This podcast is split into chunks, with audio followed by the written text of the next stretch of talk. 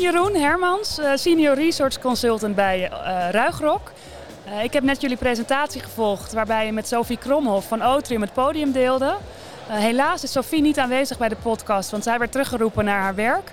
maar ik praat graag met jou door over hoe Otrium onderzoeksinzichten gebruikt om de marketingstrategieën verder vorm te geven. Voor we dat doen, even heel kort, wat, wat drijft jou als onderzoeker? Wat drijft mij als onderzoeker? Ik denk dat dat voornamelijk is achterhalen waarom mensen doen wat ze doen. En ja, dat doe je door, door te vragen. En uh, er komen telkens andere antwoorden op. En die hele psychologie achter keuzes maken, kopen, de invloed van merken, sterke merken, minder bekende merken. Ja, dat is eigenlijk iets wat ik uh, al heel lang interessant vind. En spelen met cijfers, uh, kwantitatieve data ook. Dat, is, ja, dat deed ik vroeger al om, uh, om te kijken, schieten de, de voetballers in de eredivisie de penalty vaker links of rechts? of in het midden? En waar gaat de keeper naartoe? En ik kan nu nog steeds uh, elke dag spelen met data. Dus dat is wel iets ja, wat ik nog steeds heel erg leuk vind. Ik denk dat het me ook wel drijft op die manier. Ja. Oh, wat heerlijk ik denk dat zo meteen wel wat voorbeelden aan bod komen hoe het dan ook uh, jullie opdrachtgevers kan, uh, kan helpen. Maar dat jij vroeger al lijstjes bijhield om te kijken wat uh, beter werkte. Weet je nog welke hoek beter was om een penalty uit te nemen of in te nemen? Ja, als je maar niet half hoog schiet, dat is het belangrijkste. Links of rechts boven in de hoek. Ja.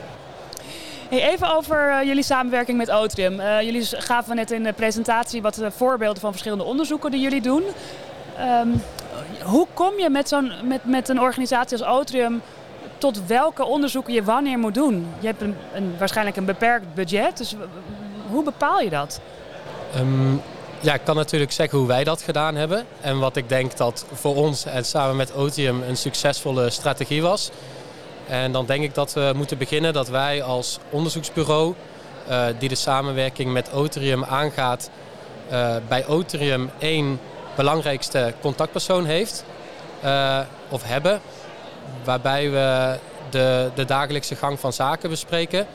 En zij weet uh, vanuit haar rol in de organisatie welke vragen er allemaal leven. En dus er is één iemand met wie wij kunnen schakelen die alles weet. Alleen om dan te gaan bepalen uh, wat prioriteit heeft, wat minder prioriteit heeft, dat hebben we in deze gedaan met een sessie met meer dan alleen wij als onderzoekers van het bureau uh, en, uh, en de interne onderzoeker bij Otrium. Daar hebben we, hebben eigenlijk met, met een grotere groep van allerlei stakeholders zijn we een sessie ingegaan om te kijken uh, welke acties moeten wanneer genomen worden.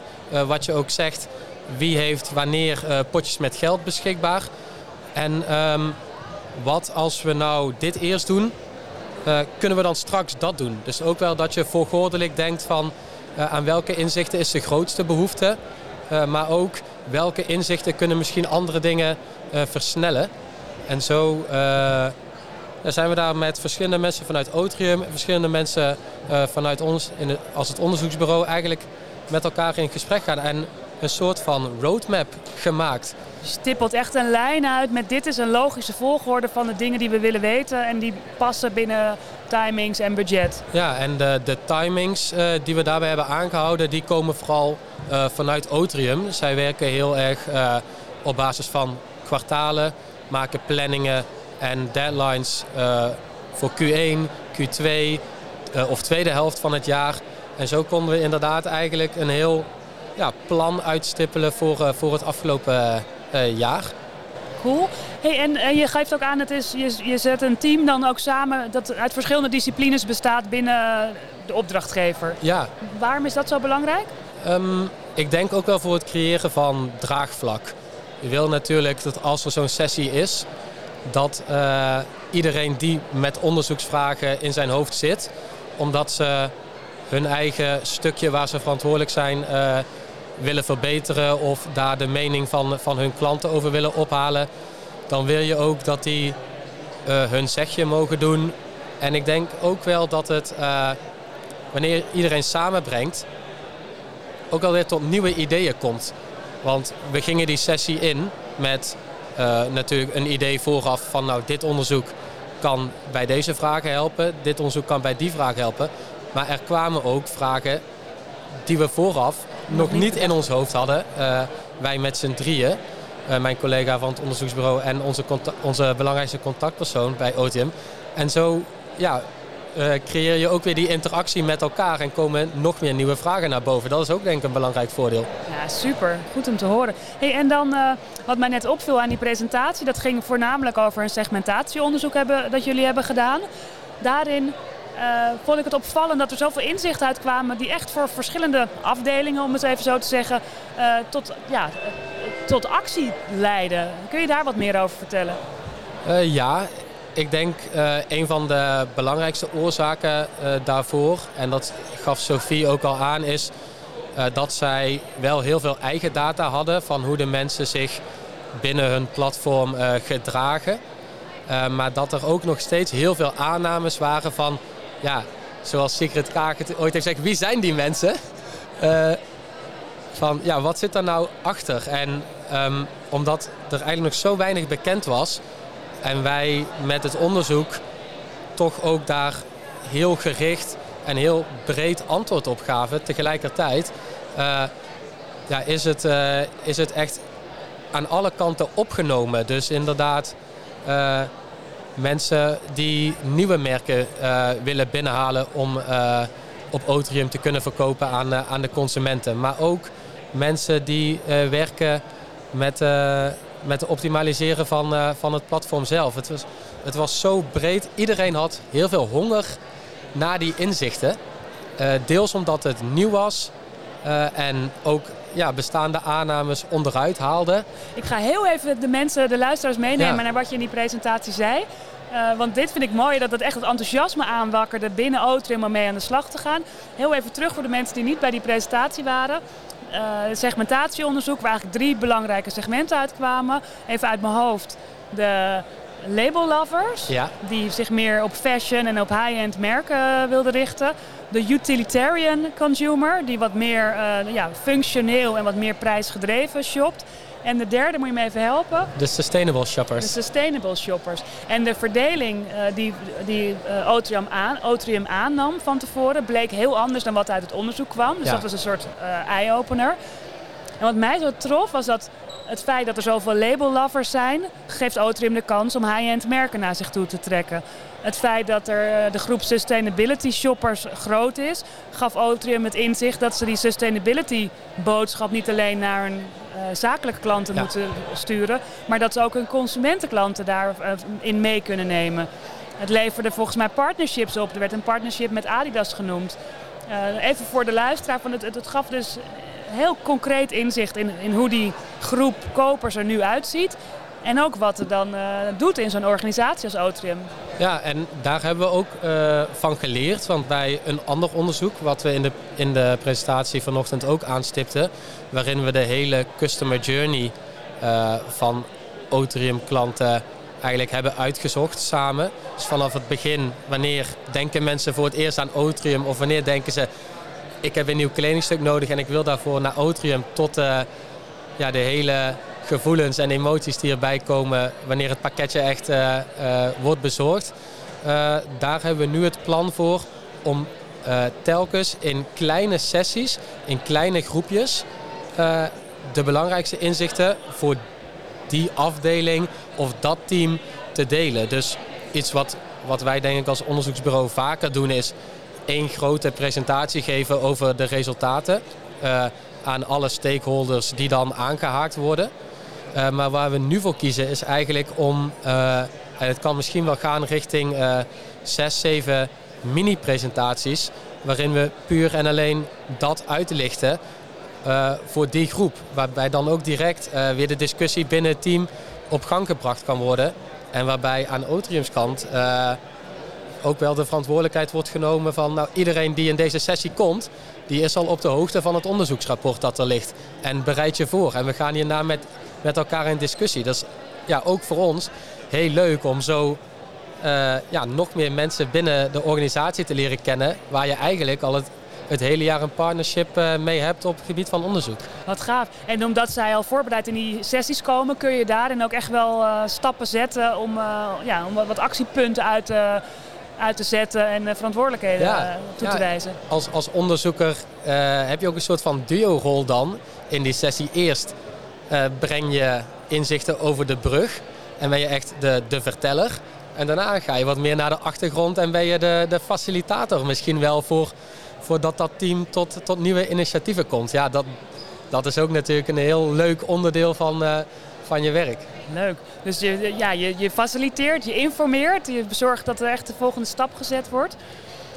Wat, ik, uh, wat vaak wel uh, de vraag die, die onderzoeksbureaus vaak krijgen is van ja, wat levert zo'n onderzoek dan op? Hè? En dan het liefst in euro's, gewoon echt return on investment. Ja.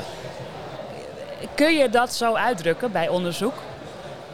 Ik zou dat niet durven en zeker niet uh, wanneer het wordt opgenomen.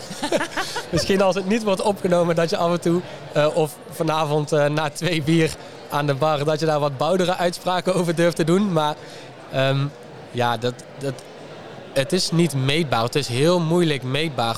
want ja, waar we het eerder over hadden, door diepere kennis van de doelgroep weten ja, wie zijn onze klanten nou.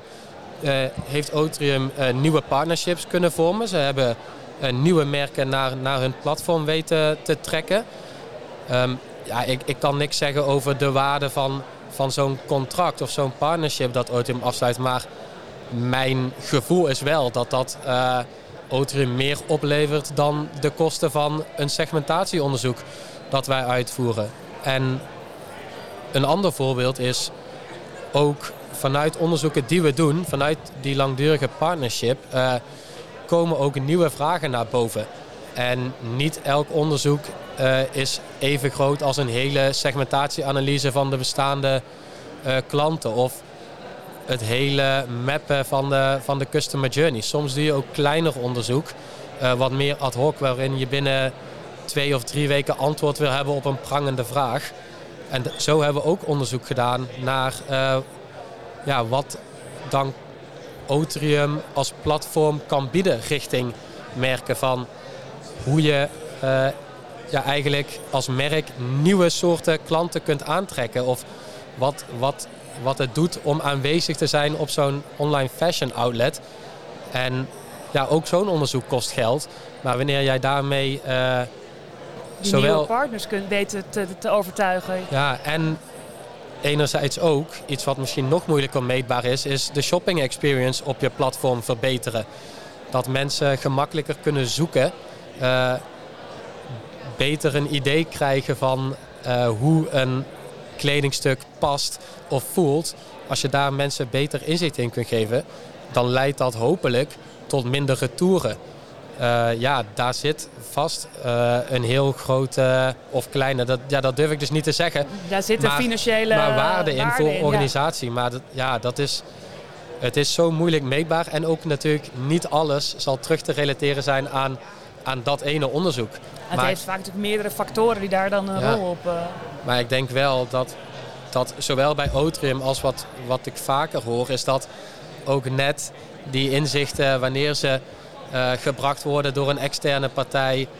Of wanneer ze inderdaad ja, boom in your face komen. Dan wel door interviews met je klanten uh, die, je, die je kijkt. Het kan wel net je dat drempeltje overhelpen om die beslissing te nemen die je misschien al wilde nemen. En daar zit ook heel veel waarde van onderzoek in, denk ik. Ja, je gaat natuurlijk eigenlijk van meningen naar feiten door onderzoek. En je verbindt uh, inzicht en nuances aan uh, dingen die je misschien al wel weet, maar die opeens veel meer diepte krijgen. Ja, ja. Zo. Hey, um, ik ben al bijna in de afrondende fase. Als, je zo, als ik het zo hoor, dan zijn een aantal succesfactoren van, uh, van deze samenwerking. Betrekken van een multidisciplinair team. Zowel aan de voorkant om te kijken welke vragen er leven, leven er. Wat is een goede prioritering van die vragen. Als ook het betrekken van de teams uh, in, uh, aan de achterkant van het onderzoek.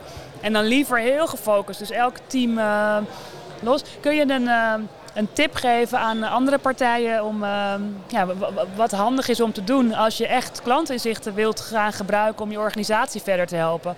Ja, wat me direct te binnen schiet, dat heeft toch wel te maken met het betrekken inderdaad van de juiste mensen. En de juiste mensen zijn niet per se de, de mensen die er het handigst in zijn of die het slimst zijn.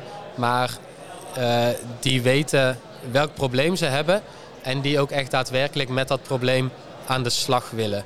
Ik denk dat dat heel belangrijk is. Zeker vanuit mij gezien als, als onderzoeker kom je natuurlijk binnen, in dit geval bij Otrium. En ik pretendeer graag van veel dingen verstand te hebben, maar van de wereld van online uh, fashion en kleding verkopen weet je natuurlijk een stuk minder dan dat je denkt.